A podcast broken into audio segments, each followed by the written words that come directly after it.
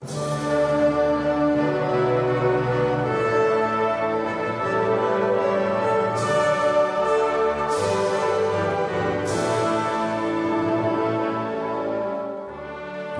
till bibelserien Vägen genom Bibeln med Kurt Westman. Vi håller nu på med Första Konungaboken. Slå gärna upp din bibel och följ med. Programmet är producerat av Norea Radio.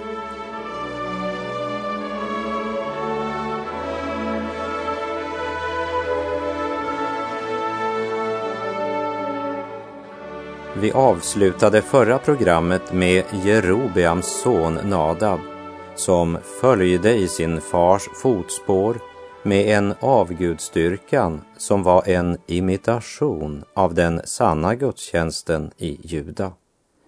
Nadab satsade på religionsblandning. Han hade högt politiskt aktivitetsnivå, högt religiöst aktivitetsnivå, men han var Guds fiende. När vi nu kommer till Första Kungabok kapitel 16 så fortsätter serien av dåliga kungar. Någon regerar i 24 år, andra i två år och en annan åter bara i sju dagar. Det är intriger, maktkamper och sammansvärjningar. Och den ena kungen avlöser den andra. Riket hade ju splittrats i Sydriket och Nordriket. Och när vi kommer till Första Kungabok 16, vers 21 så läser vi om att Nordriket Israel upplever ytterligare en splittring. Första Kungabok 16, vers 21 och 22.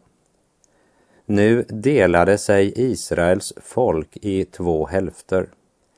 Den ena hälften av folket höll sig till Tibni, Ginats son, och ville göra honom till kung. Och den andra hälften höll sig till Omri. Men den del av folket som höll sig till Omri fick överhanden över den del som höll sig till Tibni, Ginats son. Och när Tibni var död blev Omri kung. Omri tar livet av Tibni och övertar makten. Han regerade i tolv år och han var en dålig och ond kung som vandrade i sina föregångares synder. Och han överträffade dem alla i ondska. Det vill säga, synden växer. Vers 25. Men Omri gjorde vad ont var i Herrens ögon. Han gjorde mer ont än någon av dem som hade varit före honom. Men efter alla dessa kungar och maktväxlingar där man i tur och ordning överträffar varandra i synd och ondska, så har vi nu kommit till Ahab och honom ska vi följa steg för steg. Omri hade så långt varit den mest korrupta, onda och syndiga av alla regenter. Men när han dör, då övertar hans son Ahab makten. Och han, han kommer att gå ännu ett steg vidare i ondska. Ett skrämmande perspektiv av den utveckling som sker när en nation vänder Gud ryggen och bara söker materiell välfärd och sinnliga njutningar. Vi läser i Första Kungabok 16, verserna 29 till och med 31. Ahab, Omris son, blev kung över Israel i Asas, Juda kungs 38 regeringsår. Sedan regerade Ahab Omris son i 22 år över Israel i Samaria. Men Ahab, Omris son, gjorde vad ont var i Herrens ögon, mer än någon av dem som hade varit före honom. Det var inte nog för honom att vandra i Jerobeams, Nebats sons, synder. Han tog också till hustru Isabel, dotter till Etbal, sidoniernas kung, och gick så bort och tjänade Baal och tillbad honom. Ahab och Isabel, det var en olycklig kombination. Ahab var ond, men Isabel var ännu ondare. Det inte Ahab ens kunnat tänka, det uttänkte Isabel. Isabel var dotter till Etbal, en kung som också var präst för avguden Bal och han hade också mördat sin bror. Efter Guds lag var det ju dessutom förbjudet för en kung i Israel att gifta sig med en sidonitisk kvinna. Vers 32. Och han reste ett altare åt Baal i Balstemplet som han hade byggt i Samaria. Ahab reste ett Balstempel i Samaria. Tidigare hade det nog funnits Balsaltaren på höjderna, men inget tempel för denna avgud. Och genom att bygga detta tempel för Baal så visade Ahab mer nit i sin avgudsdyrkan än alla tidigare kungar i Israel. Under Ahabs tid bygger man också upp Jeriko. Vers 34. Under hans tid byggde beteliten Hiel åter upp Jeriko. Men när han lade dess grund kostade det honom hans äldste son Abiram och när han satte upp dess portar kostade det honom hans yngste son Segib i enlighet med det ord som Herren hade talat genom Josua, Nuns son. När Jerikos murar föll och Israel intog staden, då lät Josua folket svära följande ed inför Herren, som du återfinner i Josua 6.26. Förbannad vare inför Herren den man som företar sig att åter bygga upp denna stad Jeriko. När han lägger dess grund må detta kosta honom hans äldste son, och när han sätter upp dess portar må detta kosta honom hans yngste son. Och denna ed som hela Israel svurit inför Herren, den var knappast okänd för Hiel. Och genom att bygga upp Jeriko trotsar han Gud öppet. Men när han lägger grunden kostar det hans äldsta son livet. Trots denna bokstavliga uppfyllelse av ordet fortsätter han och bygger upp Jeriko. Men Gud låter inte jäcka sig. Och när han satte upp portarna dog också hans yngste son. I enlighet med det ord Herren hade talat genom Josua Guds ord står fast. Gud låter inte jäcka sig.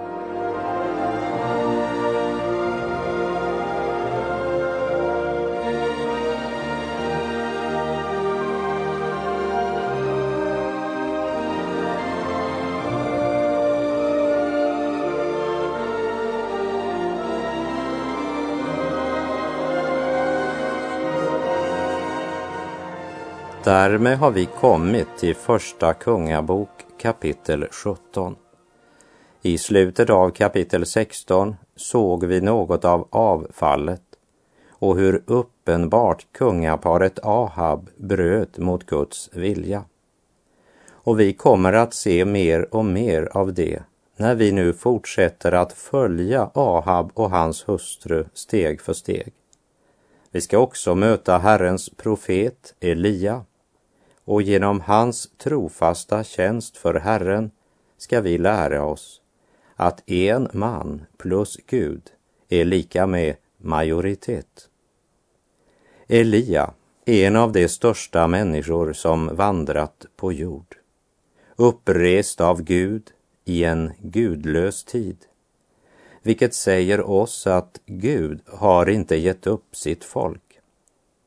Utan fruktan för kungen och hans maktapparat står Elia fram och talar vad Gud har sagt att han ska tala. Och skriften introducerar Elia på ett högst dramatiskt sätt. Vi läser i Första Kungabok 17, vers 1. Och tisbiten Elia, en man som förut hade uppehållit sig i Gilead, sade till Ahab. Så sant Herren Israels Gud lever och vars tjänare jag är. Under dessa år skall varken dag eller regn falla med mindre jag säger det. I en tid med enorm religionsblandning där var och en kunde göra det han tyckte var rätt och där vem som helst kunde bli präst på offerhöjderna må det här ha kommit som ett chock för Ahab och Isabel som eljest ingen hade mod att säga något emot. Så träder denna tisbit in i maktens palats och gör detta mycket modiga uttalande. En väderrapport utan om och men. Inte en droppe ska falla med mindre jag säger det. Därefter så vandrar han ut lika obesvärat som han kom. Jag tror att Ahab och Isabel blev mycket förvånade. För de hade väl aldrig drömt om att någon skulle tilltala dem på detta sätt. Och det med en sådan frimodighet. Skriften ger oss ingen presentation av Elias släkt eller hans bakgrund. Men kort och direkt presenteras vi för Elia. En grovhuggen och mäktig profetgestalt som intar en absolut särställning i det gamla förbundet. Men jag vill att du ska lägga märke till att Gud var tvungen att forma och undervisa även en sådan som Elia. Och det gör han genom den metod han alltid använder när han ska forma sina tjänare. Han driver ut dem i öknen. Det talar om ensamhet och om stillhet. Abraham blev kallad ut ur det kaldeiska ur med all sin avgudstyrkan för att formas och växa vid altaret. Och så gjorde han med Mose som fick praktisera som fåraherde i 40 år i öknen innan han kallades att leda Israel. David till exempel levde i ökenområden, i jordhålor och grottor i cirka tio år på flykt undan kung Saul som försökte ta hans liv innan Gud satte David på Israels tron. Nu leder han Elia ut till bäcken Kerit. För det är så mycket i livet som inte kan studeras och läras teoretiskt men som han måste erfara i sitt eget liv för att formas av Gud. Teoretisk kunskap om Gud är en sak. Att verkligen känna Gud och hans kraft, det är något annat. Vi läser vidare vers 2 till och med 4. Och Herrens ord kom till honom. Han sade, Gå bort härifrån och bege dig österut och göm dig vid bäcken Kerit som österifrån rinner ut i Jordan. Din dryck skall du få ur bäcken och korparna har jag befallt att där förse dig med föda. Vi lägger märke till att när Gud drar omsorg för Elia i ödemarken så sker det på två olika sätt. Det ena var genom bäcken, vilket ju var på ett naturligt sätt. Det andra var ett övernaturligt sätt, genom att korparna skulle komma med mat. Det är sådana stunder det är lätt att lita på Gud. Men efter en tid så torkar bäcken upp och man kan börja undra om man är på rätt plats. Var det verkligen Kerit Gud menade? Bäcken torkar ju ut. Den naturliga hjälpen sviker. Vers 7. Men efter någon tid torkade bäcken ut därför att det inte regnade i landet. Dag för dag så ser Elia vattenmängden minska. Och efter en stund så börjar han räkna ut hur många dagar det blir innan han är helt utan vatten. Och därefter hur lång tid det kan ta innan han kommer att dö av törst. Han vet inte exakt när det tar slut. Det enda han vet säkert är att det tar slut. Han kommer att törsta ihjäl. Ja, om man inte räknar med något mera än det materiella så kan vem som helst med en smula sunt förnuft räkna ut att förr eller senare kommer slutet. Men det allvarliga är att det materiella och synliga ofta är det som den kristna församlingen idag bygger sina beräkningar på. Om du går på ett möte i en församling där kollekten är god och man har fått några nya medlemmar och kanske också antalet besökande har ökat, då räknar man det för att vara en framgångsrik församling. Men det behöver det inte alls vara. Men eh, gör nu inte heller detta till en motsättning. Det är inte poänget.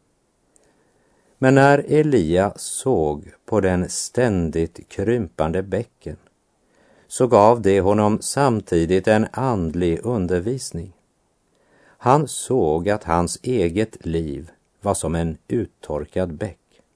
Han var ingenting, bara en torr fåra, en kanal genom vilket livets vatten kunde flyta. Herren Jesus säger i Johannes kapitel 4, vers 13 och 14. Var och en som dricker av det här vattnet blir törstig igen. Men den som dricker av det vatten som jag ger honom ska aldrig någonsin törsta. Det vatten jag ger skall i honom bli en källa som flödar fram och ger evigt liv. Vid bäcken Kerit får Elia lära att vara en Herrens tjänare och att vara till välsignelse det betyder att du måste vara en torr bäck som inte har något vatten till liv, utan endast när livets vatten, Guds ord, får strömma genom dig, då kan du släcka andras törst. I Första Korinthierbrevet 1.27 står det, nej, det som för världen var dåraktigt har Gud utvalt för att låta det visa stå där med skam. Och det som för världen var svagt har Gud utvalt för att låta det starka stå där med skam. Du har ingen annan styrka, Elia, än den bäcken har när vattnet strömmar genom den.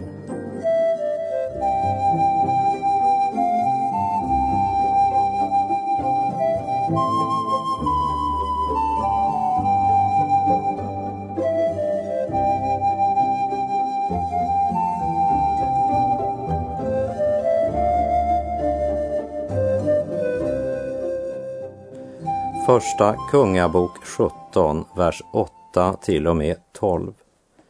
Då kom Herrens ord till honom, han sade, Res dig och gå till Sarefat som hör till Sidon och uppehåll dig där.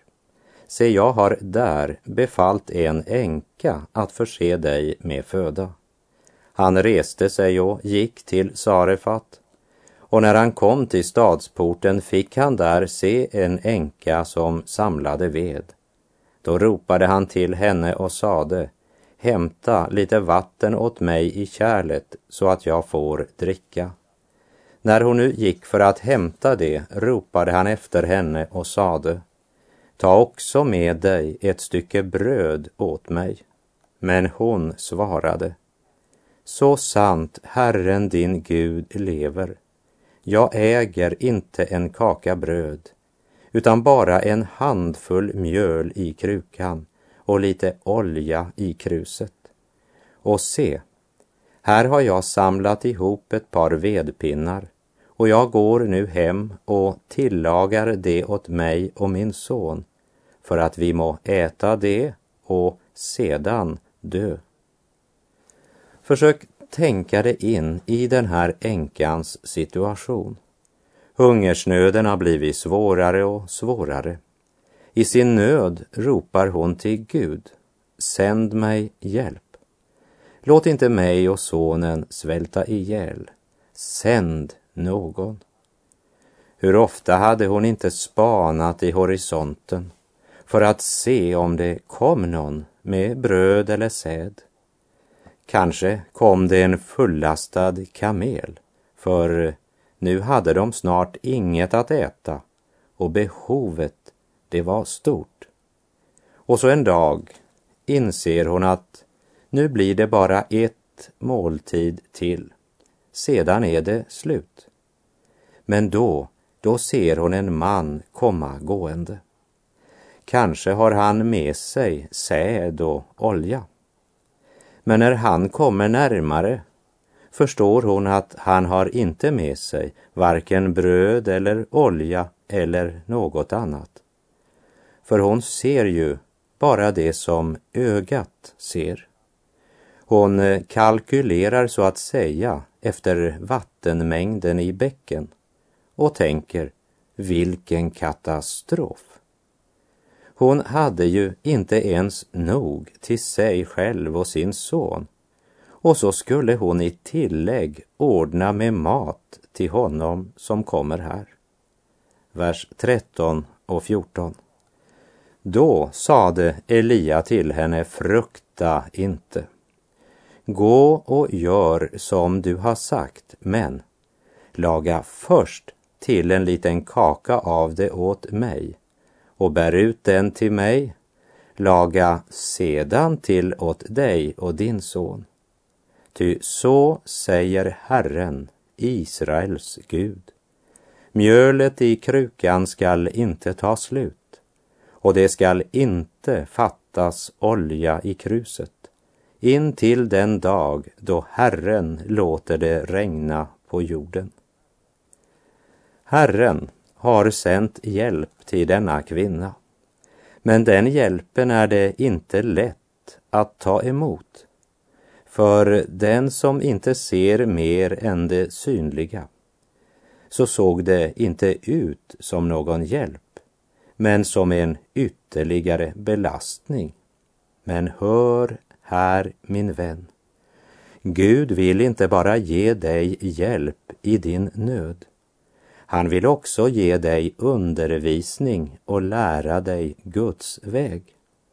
Och när Gud kommer till dig är det detta han önskar lära dig. Herren först, sedan till dig och din son. Men med Guds order följer alltid ett löfte. Och denna änka fick genom denna händelse lära att Gud uppfyller inte alla mina önskningar, men han uppfyller alla sina löften. Vers 15 och 16. Då gick hon iväg och gjorde som Elia hade sagt. Och hon hade sedan att äta, hon själv och han och hennes husfolk, en lång tid. Mjölet i krukan tog inte slut och det fattades inte olja i kruset i enlighet med det ord som Herren hade talat genom Elia. Att tro är inte bara att hålla något för sant. Att tro är att göra så som Herrens ord bjuder oss att göra. Och den som praktiserar ordet, även när det kostar oss allt, ska få erfara att Gud talar sant. Men det betyder inte en problemfri tillvaro utan svårigheter och prövningar. För Gud vill inte bara ge oss dagligt bröd, men han vill också förlåta oss våra synder. Och för att kunna göra det måste han först dra fram dem i ljuset. Det vill säga, han måste påminna oss om vår synd. Första Kungabok 17, vers 17 och 18. Men härefter hände sig att kvinnans, hans värdinnas son blev sjuk. Hans sjukdom blev mycket svår så att han till slut inte mer andades. Då sade hon till Elia, vad har du med mig att göra, du gudsman? Du har kommit till mig för att min missgärning skulle bli ihågkommen, så att min son måste dö. Det är något som för den här kvinnan har varit tyngre än hungersnöden och det var hennes synder. Och kanske hade hon också trott att det var hennes synder som gjorde att hon hade det så svårt. Och nu när de hade fått det bättre var det också lättare att förtränga de gamla missgärningarna. Men så dog hennes son precis när hon hade tyckt livet blev värt att leva igen. Och hon tänkte, det är säkert på grund av mina missgärningar. Vi läser verserna 19 till och med 24. Men han sade till henne, ge mig din son. Och han tog honom ur hennes famn och bar honom upp i salen där han bodde och lade honom på sin säng. Och han ropade till Herren och sade, Herre, min Gud, har du verkligen kunnat göra så illa mot denna änka, vars gäst jag är, att du har dödat hennes son?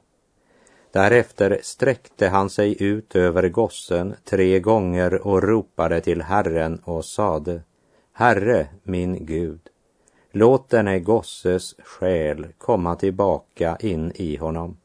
Och Herren hörde Elias röst och gossens själ kom tillbaka in i honom och han fick liv igen. Och Elia tog gossen och bar honom från salen ned i huset och gav honom åt hans moder. Och Elia sade, se, din son lever. Då sade kvinnan till Elia, nu vet jag att du är en gudsman och att Herrens ord i din mun är sanning. Nu vet jag, det vill säga, förr hade jag bara fått materiell hjälp, men nu har jag mött en Gud som är större än mina missgärningar. Nu vet jag, hjälp i nöden är bra, men visshet om Guds närvaro, det är långt större. Och med det så är tiden ute för den här gången. Herren vare med dig. Må hans välsignelse vila över dig. Gud är god.